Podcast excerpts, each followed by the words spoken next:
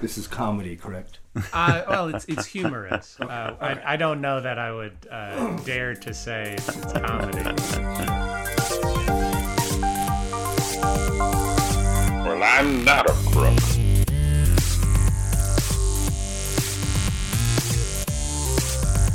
But because they are hard. Welcome to Presidential Deathmatch, the only presidential debates that matter. Today's headlines. We are an anti San Antonio podcast, jukebox musicals only, and YouTube.com. Visit it. Aubrey Langston joins us to moderate a debate on which candidate would make the best card collector, William Jennings Bryan or Henry Clay.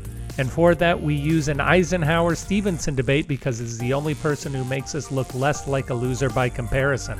All that and more on today's Presidential Deathmatch. I was in a, Uh, yeah. a coffee shop like just before this, and the guy at the register was like, "So what are you up to today?" And I said, "Just learning about Williams Jennings Bryan." And he was like, "Oh, you for a class?" And I was like, "No." Welcome to Presidential Deathmatch.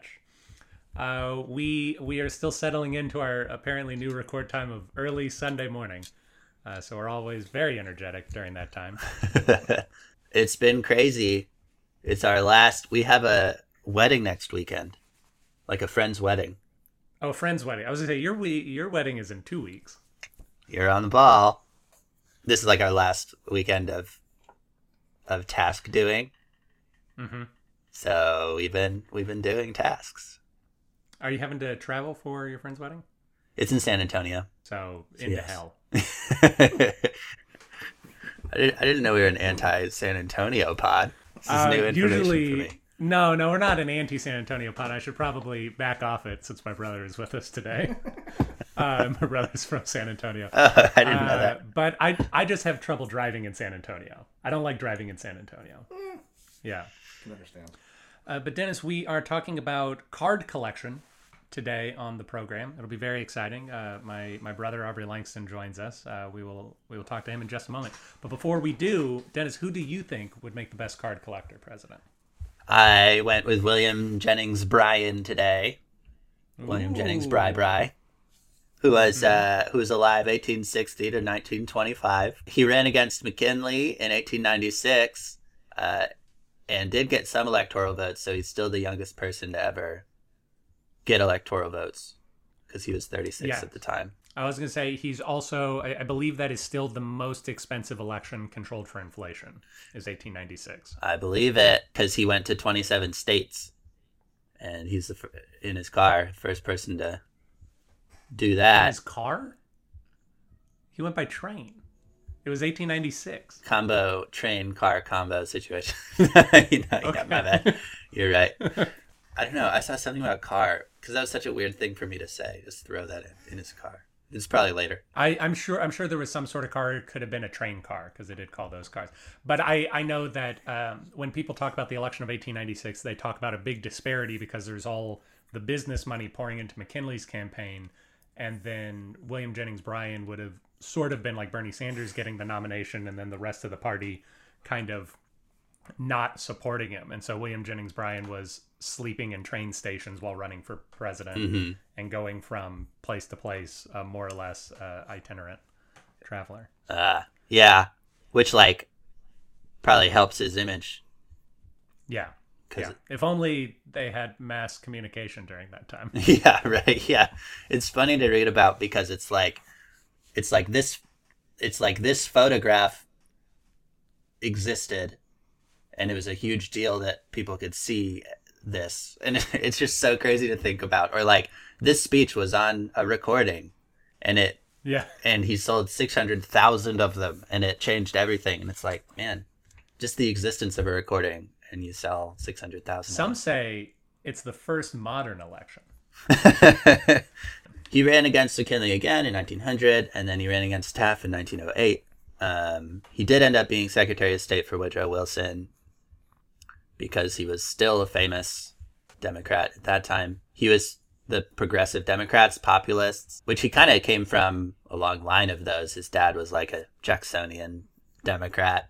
But yeah, I guess the the big thing to know, and then we can move on, is that he was big into free silver, and really, Loved silver. yeah, tied that to like people, uh, like populism and and everything else, and uh, really felt like even though it would, everyone knew it would cause inflation. He he felt that it would really help farmers in particular and things like that. So he was really pushing for it. And I think probably there's still debate. I don't know as as much as I could know because it's really complicated. But I think there's probably still debate about whether that would have been a good choice or not. Yeah, yeah. We we talked about it last season about Yeah. uh, inflation and how inflation and deflation affected farmers and how that was uh, particularly like a middle America issue. Right. Well, because they were getting so many European immigrants because it was like a worldwide panic. Mhm.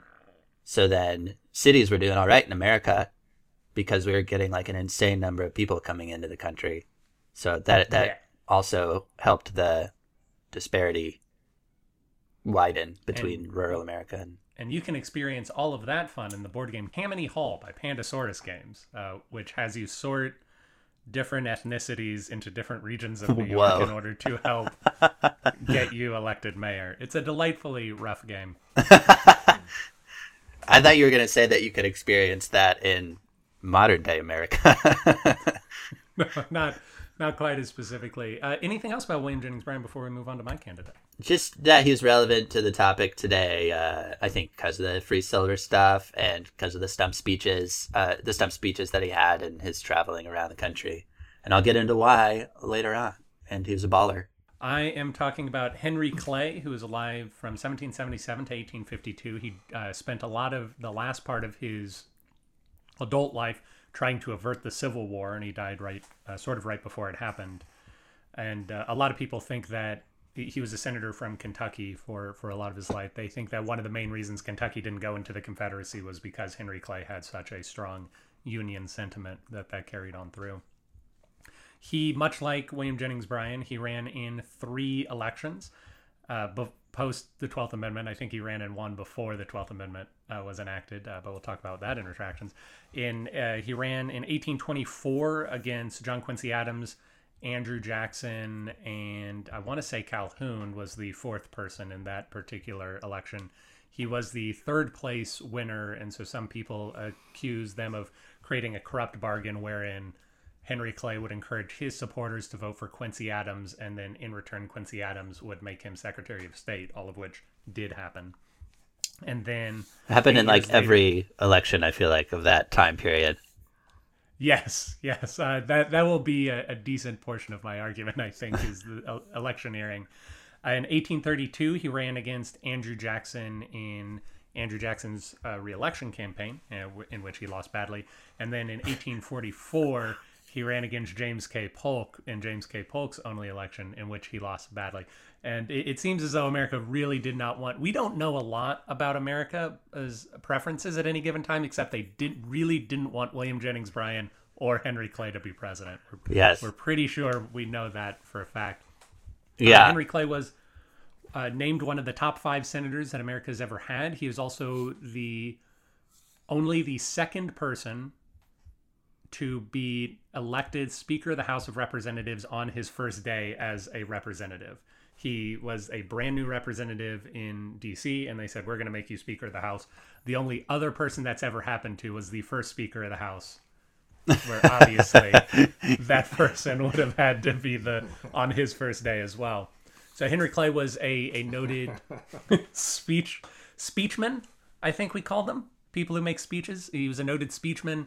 He founded the Whig Party to oppose Andrew Jackson's policies, and he uh, he was big on what he called the American Plan.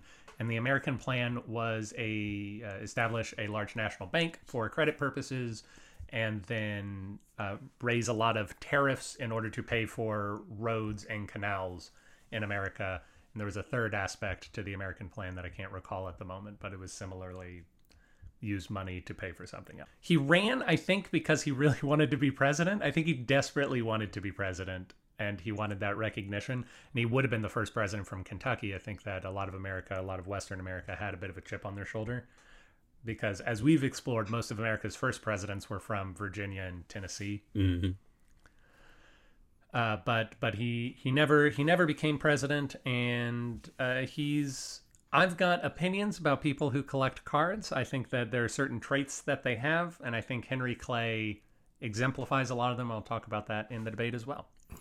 I mean, really, Tennessee is the other Kentucky. Yeah, yeah. So it's not- the bigger, more arrowheady Kentucky. They like sweeter whiskey. South Kentucky. Yeah, South you could call Kentucky North Tennessee since Tennessee was around first. Okay. You did that. Uh, the voice that. you're hearing is Aubrey Langston, who is our guest today. Aubrey, how are you doing today? Doing pretty good. Pretty good. Thanks for having me on. Yeah, thank you for bringing kolaches over. Oh yeah, yeah. I thought I thought I didn't know he was. Oh, he was. coming or Oh. I see. Yeah, now, Dennis now is. that now that it makes sense why there's so many kolaches, right? Yeah, I did wonder why there were so many kolaches. Now Dennis is in Austin Okay. right now, Oh. so it would have been a bit of a drive for him. I will, in spirit, I will have, I have them. Uh, but Aubrey, you're, we're going to talk about cards. But before we can do that, uh, we've got to go to retractions. Dennis did the retraction box, make it back safely from Boston. It made it back in one piece. Okay, but not necessarily has it scarred, burnt. Uh, what what has happened to it? Yeah, they they got like sometimes they just like decide that your bag is suspicious, and so and then most places don't do this anymore, but I guess Boston they do. They to to to diffuse it safely, they just soak the entire suitcase in water. Mm. So like it Like comes out. like what they would do with witches. Yeah. See if it Yeah, floats. So of course the retraction box is deeply cursed, so so it did float. But the Mm. whole everything underneath it in my bag got really wet and then the bottom of the box got wet. Mm. And then of course I had to spend a lot of time explaining the doom within. Right, and please don't open it because it will kill us all. Yeah, yeah. So I'm still in airport confinement. Oh wow! But Reporting. they brought your they brought your office because I can see that the backdrop is still the same as it always was. So that's nice of them. Yeah, I explained to them how I couldn't fit my podcast mic because of the retraction box, and they went and got me one, which was nice. On the them. plus side, it's nice that your podcast mic wasn't in the bag when it got soaked. yes, that's true. Serendipitous. How about that? Yeah. Well, uh, we we need to open up that retraction box. I assume it's it's uh, wet, but we're able to to lift that lid. yeah. And I, I see some very sad news on. What's the sad news? Uh, you didn't get a Turkish towel. Oh yes, yes. That's retraction number one. I did not get a Turkish towel, and Aaron Andrew said that his guests get Turkish towels. He did. So Andrew's a liar. In case anyone was planning on voting for Andrew, Yeah. he does not keep his campaign promises of giving guests Turkish towels. Unlike all other politicians. Uh, Dennis, you put uh, Veep history and the Twelfth Amendment down. What would you like to? Yeah, I, I got kind of confused last week, and so I thought, you know what? Maybe we should return to it briefly, talk about what the Twelfth Amendment is. Um, but but yeah, but I didn't I didn't didn't look too much at it. So if you want to guide, Yeah, Guide yeah that one. I'll, I'll take it. So the Twelfth Amendment was the second amendment that we did after the ratification of the Bill of Rights. And previous to the Twelfth Amendment, the way the Electoral College worked for president was each elector got two votes, and whoever got the most votes became president, and whoever got the second most votes became vice president. But uh, it was always the case that they planned to run parties. Like parties almost immediately appeared, or factions is what they called them back then. And so, although people say, uh, we were talking about Hamilton last week, Aubrey, uh, although people say that uh, the second place person became vice president, that is technically true. It's not really true. It, it was always, they always wanted John Adams and Charles Pinckney to be president and vice president in the election of 1796. Uh, but it wasn't because Thomas Jefferson did really well that he became vice president. It's because two of the states had a miscommunication over which one of them was going to throw away their votes for vice president. Uh, so after this happened twice in a row with uh, John Adams and Thomas Jefferson, and then Thomas Jefferson and Aaron Burr, they decided to make the 12th Amendment, which is now the system that we have, wherein a person gets, instead of two electoral votes, a vote for president and a vote for vice president, with the stipulation that the votes can't be for people from the same state. Or if you are from that state, you cannot vote for a president and a vice president also from your state. Which is why mm-hmm. even though Dick Cheney lived in Dallas when uh, they they did the election of 2000 2004 he moved to Wyoming so that he wouldn't be from Texas so that Texas electors could vote for George W. Bush and Dick Cheney. Uh, and that's probably a pretty solid system all things considered. You were saying uh, last uh, last time Dennis that you would have enjoyed that the person coming in second would be the vice president uh, but but I don't really see uh, how how things would have been better if like uh, George H.W. Bush would have gone from being president to vice president, or then we would have had uh, John Kerry or John McCain as vice president. Uh, Mitt Romney as vice president could have been fun. I could have enjoyed that. Yeah. Even if it was still who came in second, Yeah, indeed. it'd be interesting. It'd be interesting. It would cause probably way more stalemating. Yeah, like just because it would always be opponents, which is I guess why they made the Twelfth Amendment. it would be like the election of 1824 or the election of 1840, uh, which I'm sure we will talk about either of those elections at some point. We've already talked about 1824 earlier today, but 1840 later on. Dennis, we were talking about Hamilton last week and the various historical inaccuracies that Hamilton has. Now, The musical. I, I yes, Hamilton Not the musical. person. Yeah. No, Alexander Hamilton was infallible, as we all know. the, the only infallible human since Jesus Christ, Alexander. Hamilton. Uh, but the musical Hamilton, uh, of course, any um, any historical story will need to be simplified. You will have to take things out. You will have to make characters easier to understand. Uh, for instance, one of the things that uh, was they just didn't have time for is that Hamilton and James Madison used to be really good friends before they kind of had a falling out and then later became bitter rivals and and in the musical it's presented just that James Madison is always against Hamilton. Uh, now I think I mentioned this a few weeks ago when I was talking about reading Fears of a Setting Sun, but I'm really disappointed that well, number one, the the musical portrays Hamilton as being in George Washington's cabinet for Washington's entire presidency, mm. and Hamilton quit after two or three years of the eight years because he wasn't wealthy enough to live in D.C Whoa. basically the secretary of the treasury position didn't pay a lot and none of the cabinet positions conferred a lot of respect in in american life. And so at some point he had to quit his job as secretary of the treasury so he could go back to being a lawyer in new york so he could make money.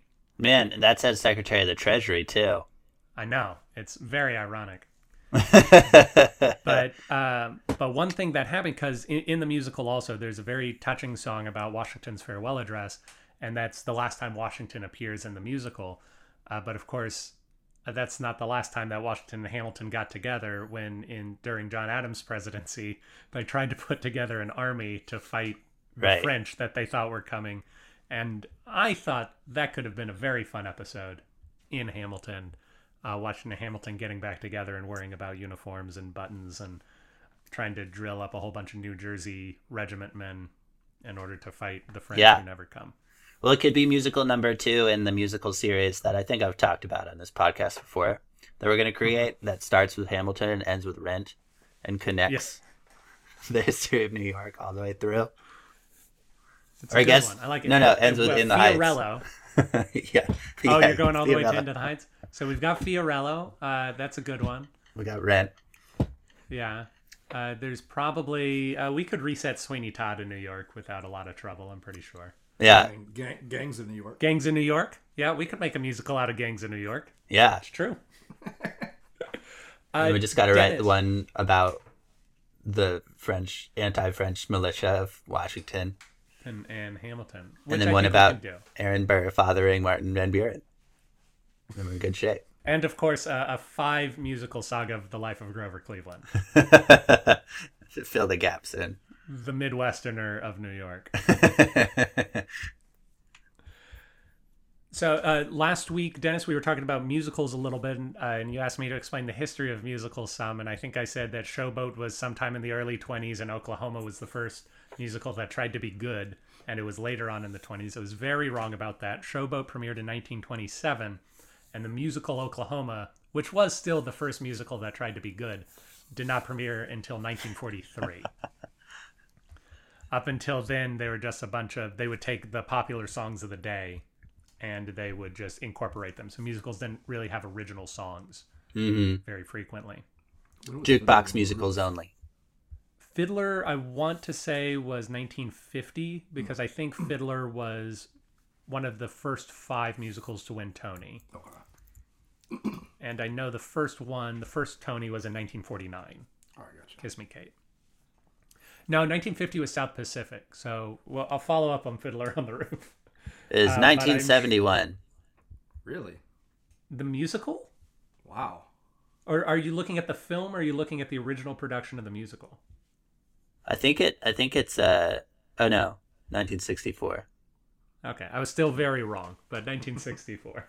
Uh, oh, also, last time uh, there was a little bit of confusion over which was the first woman to run for president. I think I said I, I couldn't remember her name, and I said it might be Lucretia Mott, uh, who was an early suffragette. Lucretia Mott was a real human being who was an early suffragette, but she was not the first woman to run for president. Uh, instead, that was Victoria Woodhull. So Right. Lucretia Mott was alive during much of the 1800s. She died in the 1880s. Uh, her interest in uh, her interest in being part of or, or encouraging women's suffrage is when she was denied as a delegate to the worldwide Applesauce. anti-slavery, not applesauce, worldwide anti-slavery uh, conference.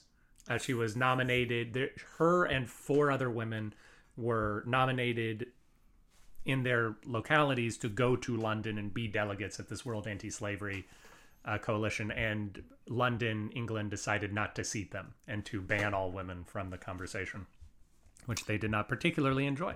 Ah. Yeah.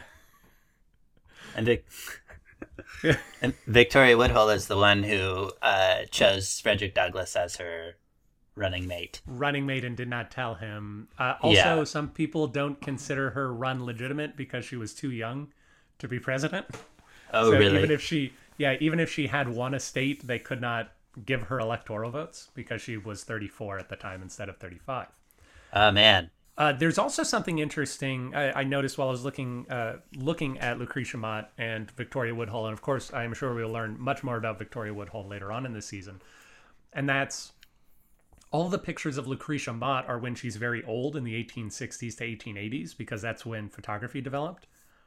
But even though Victoria Woodhull lived to be older than Lucretia Mott, all of the pictures we see of her are when she is very young because she was young in the 1860s and 1880s and they chose to show her young photos instead of her older photos. Because she was running when she was younger, too. Yeah. But but she was also a suffragette. Like she was still Oh, involved in politics even after the election of 1876 and 1872. Um, but that is that. What time was the uh, uh, A Million Ways to Die? What, what time period was A that? Million Ways to Die in the West, Yeah. the the Seth, such and such film. Yeah. I want to say that was set in the early 1900s. I'm sure they they Because say. they, they always la- they always make good jokes about the photos. About the photos, You can't yeah. smile or else you die or something. Yeah, or they said it was weird. Yeah. Uh, I will look up A Million Ways to Die in the West. I'm going to say 1888. That's when I'm going to guess it's set. 1882. wow. Old stuff. Ooh, Arizona. close. Yeah, very close. But I'm not entirely certain that Seth MacFarlane uh, did a whole lot of historical research Right. for A Million Ways to Die in the West. Correct. Uh, Dennis, do you have anything else until you start blow drying down the retraction box again? Just that I regret the error. We do regret the errors. And uh, Aubrey, Yes. you're here to talk to us about card collecting. Yes, I'll answer questions. What what else are you here to talk to us about? Whatever, whatever y'all ask, I'll answer. Excellent. So you got into buying packs of cards uh, once the once the pandemic hit. You got back into it. Yes. Back into back it. into it. Yes, I've been doing it for a long time. Yeah. Um, you've been doing it. You were doing it when you were younger. I was doing it when I was younger. Um, I think my dad probably. My dad got me a pack of cards and would take me to the card store. You know, and I would mow the lawn, bring my money there, and buy some cards. yeah. So that's how I got into it. So was it mostly baseball cards when you were younger? I know that because I, Baseball and basketball. I know I have a Colossus card from you at some point. So you must have bought a Marvel pack at some point in your life. Probably eh, different things, right? Yeah. So what are you buying these days? So to, right now I've kind of slowed down because um, the, it's funny the uh, they stopped selling them in, in regular uh, like Target and stuff. They actually pulled them and said we're not doing it anymore. Oh, really? So you have to go to a, uh, a, a craft shop or something like that to buy them, and they mark them up. um, Yeah. For market, uh, rather than selling at MSRP. So it's kind of I've kind of toned down, um, but I've done a lot of research on different. There's different ways of collecting, right? You can collect for returns and you do it as a business, or you can collect um, just stuff that you like. Probably in the last few years, mine was just different stuff. I wanted different stuff because I started seeing that um, the markets were changing. So I got soccer cards. I got just weird cards. Um, as you can see, here's here. I have some Playboy cards. Playboy Centerfold collector cards, the February edition, Nice. Dennis. February edition. I have these, which you can open. 2016 election. Yes, Cards. Go ahead and- go ahead and Yeah. open. So I'm going to open this. Dennis, who are you hoping we get in the 2016 election cards? It's got everybody. It's got like Bernie. It's got uh, it's it's gonna have. Ladies uh, and gentlemen, the sound of yeah, there's the nothing like to- that feeling. I'll, I'll be honest. There's nothing like the feeling of just cracking open a, a set of pack cards. Um, you there's a board game right there, Aubrey. Millennium Blades. Uh-huh. Uh, it's the white box. Uh, that is an entire game about buying packs of cards and opening them. Yeah, and I can. Yes, and, and, and Millennium Blades. the more you Yeah. get involved in them, you can have a three hundred dollar pack of cards Oh yeah. uh, easily. Yeah, What what comes in a three hundred dollar pack of cards? uh, hopefully at least three hundred dollars worth of cards. Um, but most of the time, it's you might get one good card, right? Yeah. Um, hopefully, you're you're hoping for a numbered card. I can give you an example of a numbered card. So a numbered card is going to be a card that they only produced a certain amount. like keep your head Okay, up while I'm you're talking. about that. Yeah, No, so no they problem. only produced a certain amount of cards. Uh, let's see here. Give you an example. We got a. Uh, go ahead and, and talk Yeah. about those. Okay, Dennis, I am going to ask both you and Aubrey, uh, the people that I have just gotten in this 2016 pack of cards. You need to tell me who who this person is. Okay. Okay. Jeanette Jeanette Rubio. Do you know who Jeanette That Rubio must be is? the wife of uh, Rubio from Florida. Yep, that's what Aubrey's guessing. Dennis, I'll I'll stick with that? that. I'll stick that with is that. that's correct. She is the spouse of Marco Rubio, uh, the senator from Florida, former Miami Dolphins cheerleader. Did not know that. Neither did I.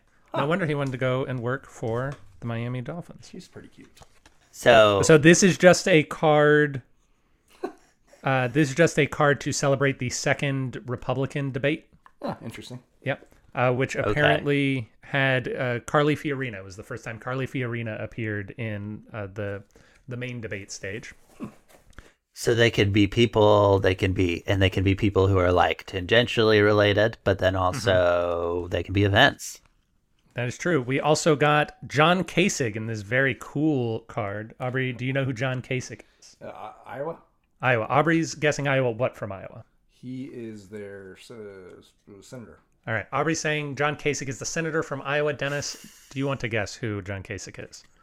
Um, Ohio. My bad. Did I say Iowa? You did say Iowa. No, nobody's from Iowa. Ohio. Okay. Aubrey's changing his vote to senator from Ohio. I'm sorry. Um Nobody's from Iowa. That's he's a Republican fellow.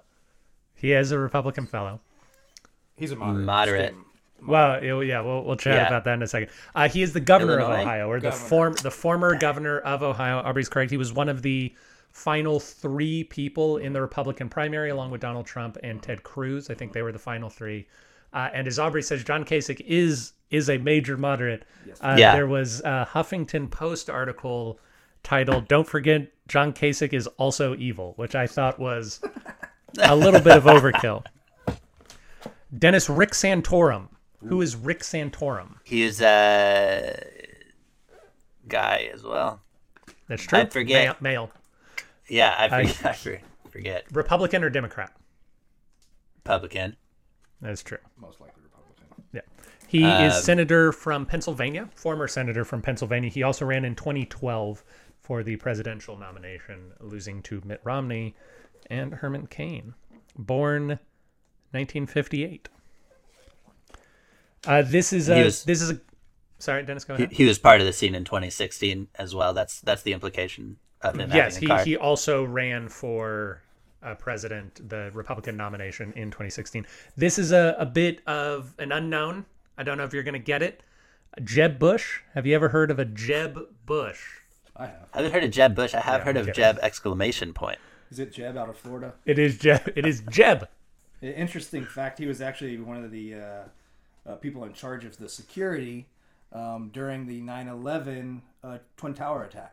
I, I don't know. What do you mean by that? He was in charge of security. Do you mean like research? Because why would if No, he was no, governor of Florida, why would he be in charge of? 2001. Yeah, I understand. he Um, was I don't governor of. Florida. I, I, I don't know, but that's what I've heard. Okay, So I'm not quite sure. I don't believe that's true. You- yeah, I don't know. And our our final person is Jill Stein. Aubrey, do you know who Jill Stein is? It's the lady. Fact. She Oh, is. Uh, she is correct. a uh, a liberal. Uh, depending on how you define it, Okay. yeah. Okay. The Democrat Party. No, she's not a member of the Democratic Party. Really? Yes. Jill Stein. Jill Stein is not a Democrat. Like a Green Party. Yeah. Green runs. Party. Yeah. She's Green Party. She's Party. out of California, probably. Uh, let me see. or- I did not think so. It doesn't say. Huh. Uh, Massachusetts. Really? Totally. Yes, Wow. but but yes, she was the uh, Massachusetts nomination. You say she always runs. She only ran twice. She ran in the same elections that Gary Johnson ran, 2012 and those two? 2016. Yeah, She always ran in those. yeah, she always ran in those two elections, but neither of them ran in the 2020 election or in the 2008 election. Yeah, I thought I thought she ran in more. So yeah, another example. So you, you have numbered cards. So that's a numbered card. This was purchased because I was thinking, you know, um, it- it's a Ronaldo card since uh, there's no video. So it's a soccer card, which is strange, um, but it's numbered, and he's Number 242. out of 242, correct. And then the lower the number, like this guy right here, is there's only two of those. So Aubrey has just given me a, a card in a thick plastic protection case with actually a screw on it. Right. I've not seen that before. Uh, it has some holographic to it. Russell Wilson of the Seattle Seahawks. And here's another Number Russell three. Wilson. That's a two of two. Oh, two of two, really? Yeah, and then the same guy. Yeah, So- same guy playing for the New York Yankees. It Yes. looks like. So uh, recently, the baseball Jordan cards uh, shot way up because there were so very few of them. Um, he was actually Russell Wilson was actually drafted by the or got the fifth rule, so he was able to be redrafted for. um, This was publicity, of course. He only put, basically played in. Uh, oh, I didn't bring my Will Ferrell's. He only uh, he only played in uh, spring In training. training. Mm-hmm. Aubrey does have a full pack of Will Ferrell baseball cards from the publicity stunt that Will Ferrell did, which was awesome. and I've got the Jeff Bagwell you gave me up oh, there. right, right. The Bagwells. That's a numbered card. Yeah, So that's that is a numbered card. Um, yeah, so there's different ways, uh, different styles of collecting, um, and then you have, you know, you'll see that there is, um, it, it's gotten to the, it's gotten so involved now that companies are buying stocks in cards. Oh, really? Yeah, so they're buying, or you can buy partial Jordan rookie card. Interesting. I can buy a, a tenth of one. Yeah, So like a share in a card. Correct. Weird. So it's Yeah. gotten to where it kind of It's gotten out. too commercial. It sounds like. Right, right. So then, so then I just decided, like, here, try this one right here. This one's an interesting one. Um, it, they're they're really uh, interesting cards. Uh, that's the reason why I brought this pack right here. It's uh, Allen and Ginter. What year is that one? 2020. Oh, so so that's a pretty recent one. Um, Yeah, world champions. Allen and Ginter. It looks like uh, old baseball. oh, oh, yeah, it's a it's um. I think that was like one of the originals. They they have small cards in there. They have uh, they have you once you open it up, you'll see what I mean. They're not they're not the typical baseball card. Yeah, and this also looks like not. Um, so these cards, Dennis, you can't feel them, but they they're thicker than like a playing card. It's almost like a, I, I think what they call a blue core. stock stock Card, paper or yeah. something. Uh, so we've got Mancini. Don't know 'em. Neither do I. Trey Mancini And see, yeah, they, they looked they look quite a bit different than I have. from the old time baseball days of 2013. uh, but he played in 462 games. that's like three quarters of a baseball season, right? It's pretty good. Yeah, something like he, he almost got through one. Swanson. Swanson drafted he just won a championship. 2015. Oh, is he on the Braves? Yeah, he is on the Braves. Unfortunately, he just won All a right. Well, I don't like him anymore. Get out of here, Swanson. Uh, we got another Orioles, the Braves. Animate manager, animated, off-quoted, combative, and famous for his love of sturdy starting pitchers.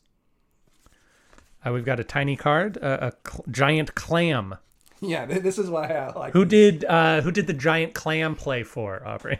Um, it's just gonna give you information on the giant clam. That is true. It just it just gives me information on what a giant Yeah, clam is yeah. in this pack of baseball cards. Yes, that's why I like these cards. Yeah, what a weird thing. Yeah, look at the next one. Yeah, uh, a rooster. We we have a baseball card, Dennis, for a rooster. Whoa. Yeah. What? Yep. Why? I don't know. It just it is just explaining what a rooster is, uh, predating the alarm clock and certainly the cell phone. Ever reliable roosters have been the farmers' sentinels of dawn for centuries. Oh, Yeah, there's, there's a lot of history in these cards. And Yeah. Allen and Ginter's. What Sentinels odd. of Dawn. Uh, and then we end with Cain of the Brewers, Lorenzo Cain, born 1986. Good year. Good Yeah, year. slightly older than you. Yeah. So that yeah, this is the same thing. This one's gonna have more. Yeah. In it. Um, it's gonna have more of those special cards in there. Pretty cool. Um, let's see. This these right here, just part, piece of a. I thought these were cool because they're uh, a piece of just American history. You know, The Garbage Pail Kids Garbage is what we're looking at right now. That still has gum in there and everything. Yeah, so this is from is that? 1986. It was a good year, I've heard. Thirty-five years ago. Yeah. Uh, the Garbage Pail Kids. Dennis, what do you know of the Garbage Pail Kids? I don't know anything about that. Oh, they they were a series of gross cards. Yes, yes and very they're disgusting. They Yeah. absolutely disgusting. Holy shit! Look at I that. and it I, doesn't I almost good. swore I should. No, why would it taste good? It's it's a piece of black gum, Uh, every flavor. and, it, and, and it just snapped in my hand. Well, it is thirty-five years old. Yeah, I understand. I thought it'd be in a wrapper. I didn't think it'd be No, stuck no, to the that's how they card. came, man. We Oh my bought gosh. Yeah. Yeah. But th- Really? they- we actually ate the gum. Yeah, When I was sure. younger, we actually ate the gum, and, Yeah. it, and it was exactly the same as that. It broke whenever, whenever we got it. The 35 years has nothing to do with the quality of the the, gum. the consistency of the gum. Uh, in this pack of, and these are stickers. They look like too. Oh yeah, yeah, yeah. They are. Yeah, at least that one is. Yeah, no, they're all stickers. Uh, the Garbage Pail Kids were uh, sort of like gross out humor cards that they, they would give. So we've got gnawing Nora, who's who's biting her nails. She looks very very scared. We have Coy Roy, who uh, doesn't have a bottom. He's just a skeleton underneath, but he's still very embarrassed that that he's been exposed. Loose Spring, who's a little slinky boy. He looks like he's having It's a good time. not so bad. Yeah, he's all right. He doesn't look like he can control himself very well. Uh, First Ada, uh, which is a very sad card because it's a baby in a lot of pain. I don't like looking at that one. And Cold Cut, which is the card that the, the gum was stuck to, Nice. which looks like a, a little boy who's happy to actually be a leg of ham being chopped up for people's food. Actually, the, the older ones are not so bad, and, and you can see twenty-five cents. So Yeah, twenty-five cents. yeah. I mean, you can't get quality gum for 25 cents, Yeah. not even in 1986. The, the new ones are absolutely horrifying. I'll be honest. yeah, they look when- when sure. Yeah, uh, so those were those were not bad to be honest compared to the new ones. The new ones are it's gotten to like uh, they figured out that they that you can do anything with cartoons. Like Big Mouth, have you seen Big Mouth? I've seen Big Mouth, yeah. uh, yeah, you can get away with anything. So while I'm opening these Yeah, up, yeah. Aubrey, um, I, I don't know. You were explaining different reasons why people might collect cards. Why do you collect cards? So I now I collect them just because I the the way. But I get what I like. Um, Yeah. And sometimes I get just strange things. You know, the Playboy ones. That's pretty cool. Um, they, you know, these were these were 1986. Yeah, they're pretty horrible. Yeah. Look at that. I'm not even going to describe this to you. Dennis, just know that I'm looking at something very horrifying drawn in a Disturbing, yeah. cartoon way. Yeah. Uh, That's sweet. Um, but there's the the upper card collectors, like I mentioned, you have numbers, you have numbered cards. Well, they they decided that they wanted to buy all ten of them. So if it's ten of 10 they bought all ten of them so that they can control the market on them. So if you actually want them, you'd have to pay whatever. Um, It's the same card, but with a different name. Special Effects Savini and Transform Tom. interesting. It's the same illustration. Those cheapskates. Gosh, couldn't even draw another card. They couldn't. Ah. Yeah, these are a little bit more disturbing. Yeah, they are. Um, but they're also a little bit like the, the cartoony nature of them is nice. Yeah. Dennis, do you have any questions for Aubrey? it, I it's I have a lot of interesting thoughts. I'm one thing on the history of it and everything, because like uh, something that I thought about recently that I find really fascinating is I played this phone game called Clash of the uh, Clash Royale. Do you, do you know that game? I do not. So it's it's it's like an evolution of so like baseball cards and then like I presume that like Pokemon was taking the baseball card idea and being like what if there was a game? Mhm. And then well, that Magic game the took off. Did that first. Oh, yes. yeah, right. Okay, yeah. So Magic the Gathering. And then basically the Clash Royale is like a phone game that's like saying what if there was like Magic the Gathering phone games and stuff, but then Clash Royale is sort of like in real time your little people like fight each other, but it's Cool. still that you're like collecting and trying to power up your people, but it's really fun. I think it's fascinating. And so yeah, I don't know. It makes me wonder about like what the next step is, and like, yeah, there's something about collecting things like that that's so interesting, and the it something about it that's just so like inherently enjoyable, and it and with things going digital like DVDs and everything else. Um, it's becoming less and less something that you actually do physically unless you like collect cards and stuff. And so it makes me wonder. Like, I feel like that we're kind of hitting a point where there needs to be because people are going to want to do those kind of things again more and more, like like you guys.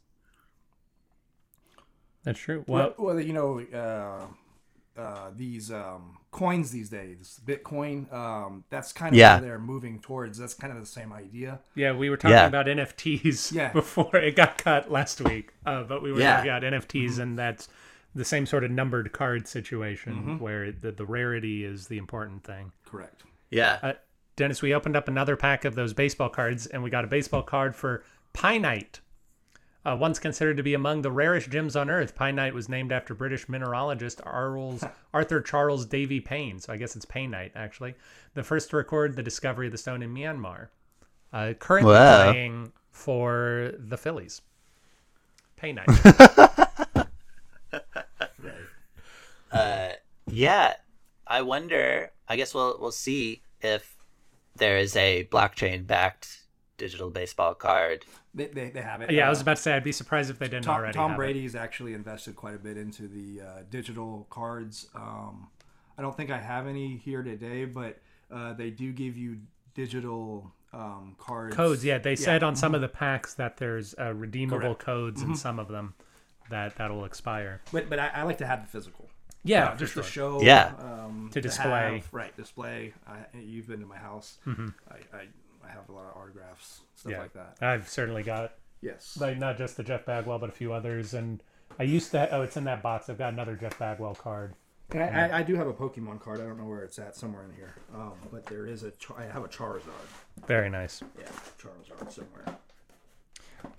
well that is card collecting a fun pastime for boys of all ages dennis before we go to our break uh, we are going to check in on our presidential musicals aubrey this is a game you can play it too I'm going to describe a musical and a president from that musical, and you have to guess who the president is that I'm describing. Okay.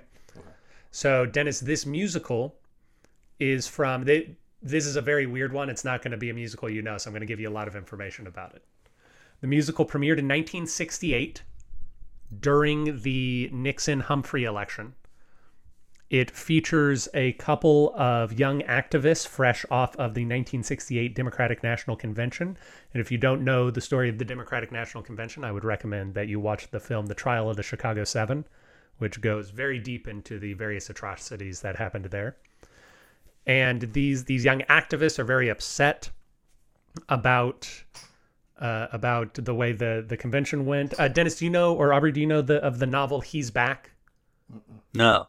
It it's a German novel that came out about seven years ago, and the premise of it was that Hitler just appears in modern day Germany, and people are kind of into it. Um, but but the same sort of thing happens. A dead president appears in modern day America, 1968 America, and he tries to explain to these young activists why trying to electioneer and get get dirty in politics is a good idea. The musical is called How to Steal an Election, and it uh, it it features a guy who's very much like uh, very party politics, party machine. Like yes, no, this is how you This is how you do things. Why would you not want to? Throw away those ideals. Get power. Uh, the composer Oscar Brand says of the character, he was Satan who had decided that the electoral process was the most interesting thing he could join in on since he got kicked out of heaven. And he wrote Is this Andrew president- Jackson? Uh, it was not Andrew Jackson. JFK. It's not JFK. That would have been a surprising move. Eight, five years after he's Yeah, been no, shot. That's why I guessed it. Yeah. Mm, uh, do- would would you like been to ask any was a good questions, Dennis? Is it between those two presidents? Yes, it is between Andrew Jackson and JFK. Just to say, Uh, it's not pre Andrew Jackson. Roosevelt, Which one? Teddy. No, not Teddy. Um, Must be the other one. It's also not Franklin. Oh. is it uh Woodrow Wilson? That would It's not be- Woodrow Wilson. would So be- I'll give you a hint. I'll give you a hint. Um, this the author, the composer, is one of the people who was brought in by the House of Un-American Activities Committee to show that he wasn't a communist. He's a very the composer is a very left-leaning guy, and he's upset about the Democratic National Convention. This is a Republican president. Okay. So then it's probably it, it probably is kind of more recent, like like in the 1900s. Mm, could be, could be. Are we close? Yes, it is a Republican president in the 1900s. and it's not Woodrow Wilson. Uh, he was a who was Democratic Democrat, president. so Mhm. that makes sense. And it's not TR. It's not TR. In fact, I will tell you the the most evil president that Oscar Brand could conjure was Calvin Coolidge. Ah, I, knew it had to do with, I knew it had to do with the steel time. Was he steel? I guess that would be in around steel. Yeah. But but he portrays Calvin Coolidge as a very corrupt individual, which I think is an amusing portrayal for Calvin because he's a very nice, mild mannered man. I mean, yeah, it didn't seem like he had the energy to be No. super corrupt. No, no, he like average corrupt for a Massachusetts Complicit. politician. Sure, Sure. sure, He was around Warren Harding. All right. Well, we are going to go to a break, and when we come back, we are going to talk about which failed presidential candidate would make the best card collector. Don't go away. Speak softly. Dennis, Yes. you know a lot of people when they make T-shirts, they put pottery in them. Uh, they Yeah. put uh, tiny bugs. papier mache, Yes, indeed. Uh, a lot which of people leads are to fire. very frequently. A lot of people are putting in bad materials in their shirt fibers. You know who doesn't do that? Who? Uh, Pronoia Theater and Presidential Ah. Deathmatch. If you buy one of our shirts, we guarantee the only things you'll find in them are cotton and also probably polyester. I don't have one of the shirts on me, so I can't tell the exact fabric count. But you don't have a shirt on you now be, only because it's Well, one I'm hanging out with my brother. Yeah, where you're committed to not being comfortable. indeed. Yeah. So I, I've wrapped myself in saran at the moment. Yes. So, but but I'm telling you this: if you go to pronoiatheater.com slash store and buy a shirt, you know that you are getting the finest T-shirts manufactured in Mexico that a person can get, and I think it's a steal. Yeah. Uh, me too. Well, there we go. Steal Pronoiatheater.com from. Pronoia Theater. Okay, we are back, Aubrey. We are going to present some arguments to you, and then you will get to ask us any questions that you would like to help help you uh, understand the the argument better. Okay. Uh, I will go first, and then Dennis will go. I need to set up the the official the official clock. Henry Clay, I think in order to be a card collector, number one, you need to be interested in very minute details of things because because you're basically collecting statistics on a lot of say baseball cards or sports cards or even superhero cards. You're you're collecting statistics in a tiny little cardboard form, and so you need that kind of focused attention uh, to detail about things that probably don't matter as much to all sorts of other people. I'm reminded of a very funny political ad from Travis County a few years ago. I might cut it in. Gerald really doesn't have any hobbies. Last year's tax rate was 0.4169. This year, we could take that down to 3838. So is he always like that? Yeah, all the time. But Henry Clay is that. Henry Clay is a guy who lived and breathed the small details. Uh, that's why he's famous for the Compromise of 1852 and the Compromise of 1848 and the Compromise of 1824 and the Compromise of 1836 and all the various compromises that he did because he could really get into the details and say, the West wants this and the East wants this and the North wants this and Iowa wants this. And we're going to figure out a way to tie them all together so that everybody is happy enough, but not super happy. The other thing is, Aubrey, I'm sure that you've frequently when you open a pack of cards, you're hoping for something. Uh, I don't know what you're hoping to find in the Playboy Centerfold Collector Cards February edition, but I'm sure there's somebody. Yeah. But but you have to get used to to losing. Correct. You have to get used to not getting what you want, but still going after it. And Henry Clay did that. He would keep facing losing, and he'd go at it again. And he'd show up, and he'd he he would just keep keep on keeping on and uh, and he never let it get him down and he just kept opening up packs for the next election each and every time and i think that is why henry clay is the best card collector dennis Nice. Williams Jennings. Wow, I do that every time. William Jennings Bry um, would have been, I think, or maybe even was, a great card collector. Um, I think for a couple of reasons. One, I mentioned earlier, stump speeches.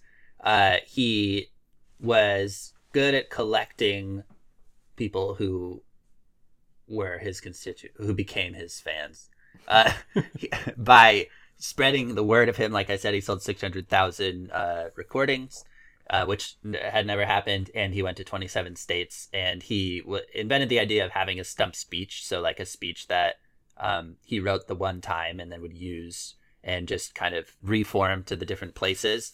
So, it was kind of like his commodity. Uh, that, and he would collect those as well and figure out which ones were the most valuable and uh, show those people and they would get behind him. And then he also collected uh, those supporters as physical cards, and he would and he maintained those uh, contacts for 30 years and would write to them say uh, about his things and keep in touch with them to make sure that he was keeping the value in those little cards. And then, of course, the free silver stuff is interesting because he wanted to make it so that there could be more coins and more things to collect for the American people. Oh yeah. uh, more commodities. So, because yeah, this silver would have made it so that we would have had just lots more currency. And then the last thing uh, was that he was apparently in a baseball league for lawyers in Nebraska. So that's fun. when he was a kid, or when not a kid, but when he was a young lawyer, and uh, he was pretty into baseball, I think, and and in, and not into war. Sports, not war. I think uh, really drives an interest in in this kind of thing as well. So there you go. all right aubrey do you have questions for either of us Um, when was uh, what Bryan? what yeah, what time period was that? He was he 1896 was the first election that Oh, he ran in.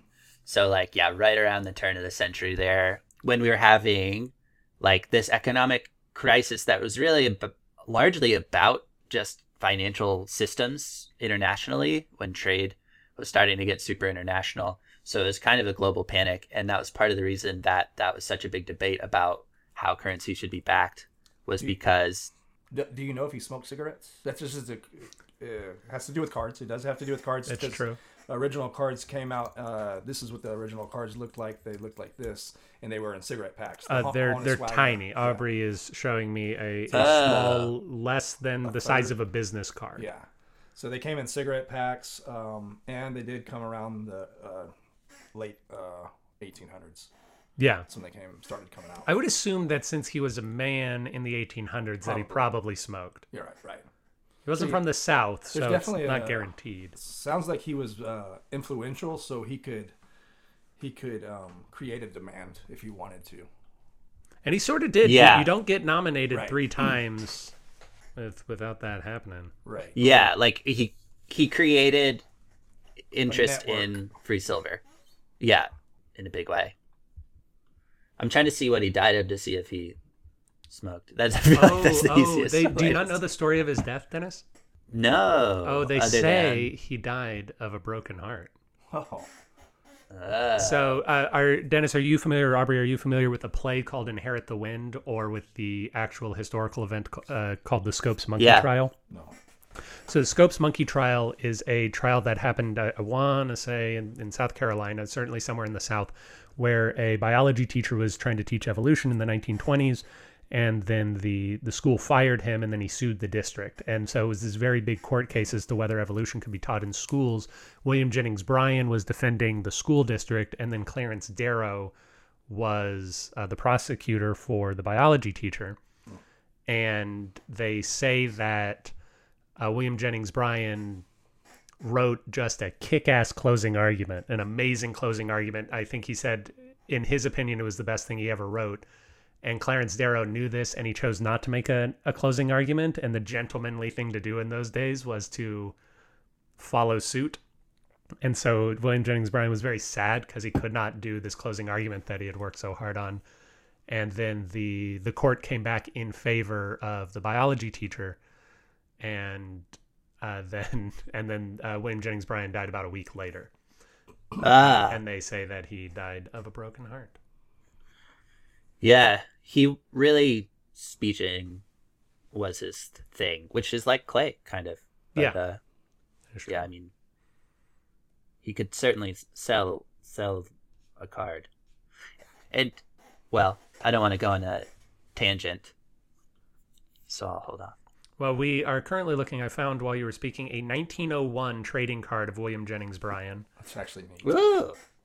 Yeah, appropriate. yeah, that's cool. It's the same size that Aubrey described. It's got that that profile. 1901 Sweet Caporal Heroes of the Spanish War. William Jennings Bryan. Oh yeah, he was like he was anti-war, but he was like briefly a, a colonel or something Yeah, in the Spanish-American War. as as one frequently is. Hold on, I'm- Part of the reason he ran against McKinley the second time, even though I mean, they have he knew his chances would be slim, was because he was super anti-expansionism. and that's they why. have cards for everything. Oh, I bet. I was I was trying to find the oldest Henry Clay card. Uh, he also, I believe, resigned from Secretary of State because Wilson got involved in World War One. Yep, yep. Yeah, and we've got a Henry Clay card from 1888. Great Americans. Is it Wow. It is also the same size. Yeah. Is it the same brand? Is it a Ginter? Uh, no, this is a Duke Sons and Co. That's probably a uh, a uh, cigarette company. Duke. Duke. It was out of North Carolina, and they had a lot of tobacco. You know, Duke Red, uh, Blue Devils. So Yeah. most likely that's a uh, tobacco. We certainly know that the 1911 American Tobacco Company Heroes of History Henry Clay card, and it comes with free Royal Bengals little cigars, according to this image here. That's pretty fascinating. Let's really go back. Yeah, well, apparently they uh, among the great Americans is also James Garfield, which is cool. It looks like a lot of uh, not William Henry Harrison, but Benjamin. No, that's Benjamin Franklin. Sorry, the the text is very small, so it's hard to make it out. Elias Howe Jr. made it onto the Great Americans trading when, cards. they, when cards first came out, you had statistics like you had mentioned, right? So Mm-hmm. statistics now I can just go onto my phone and pull up Mike Trout's or Jeff Bagwell's statistics, right? Mm-hmm. Uh, back in the day, the only way you got it was either in the newspaper or through these cards, right? So you had these little statistics that you could, you know, you can't just pull up randomly. You know, when you're in the bathroom right now, you know, if I'm in the toilet, I can yeah, say, you'd what's have to Jeff bring all of your baseball Right. cards into the toilet with Which, you. and, and I mean, you could do that, but then you create a mess.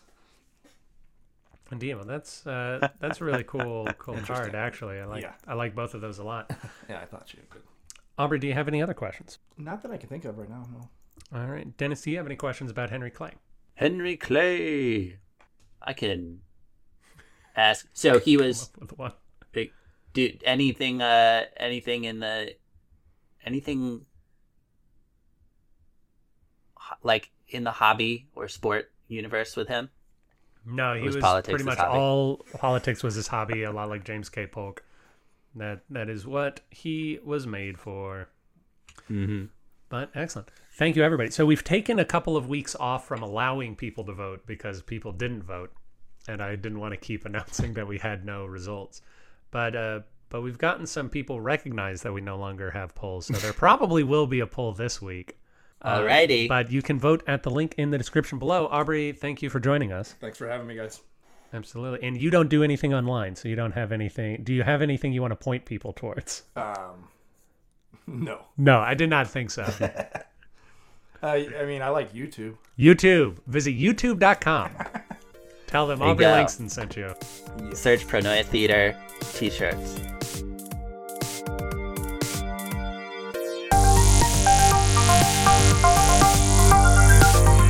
Thank you for listening to Presidential Deathmatch. Presidential Deathmatch is a production of Pronoia Theater. You can find more out about us at pronoiatheater.com. This program was edited by Aaron Garrett with music by Dennis Buddy and hosted by those same two lovable goofballs. You can always email us at contact at pronoiatheater.com. If you enjoyed the program, we ask that you rate and review wherever it is you found us. It really helps us out. And if you didn't like the program, why don't you stick around? We really grow on you.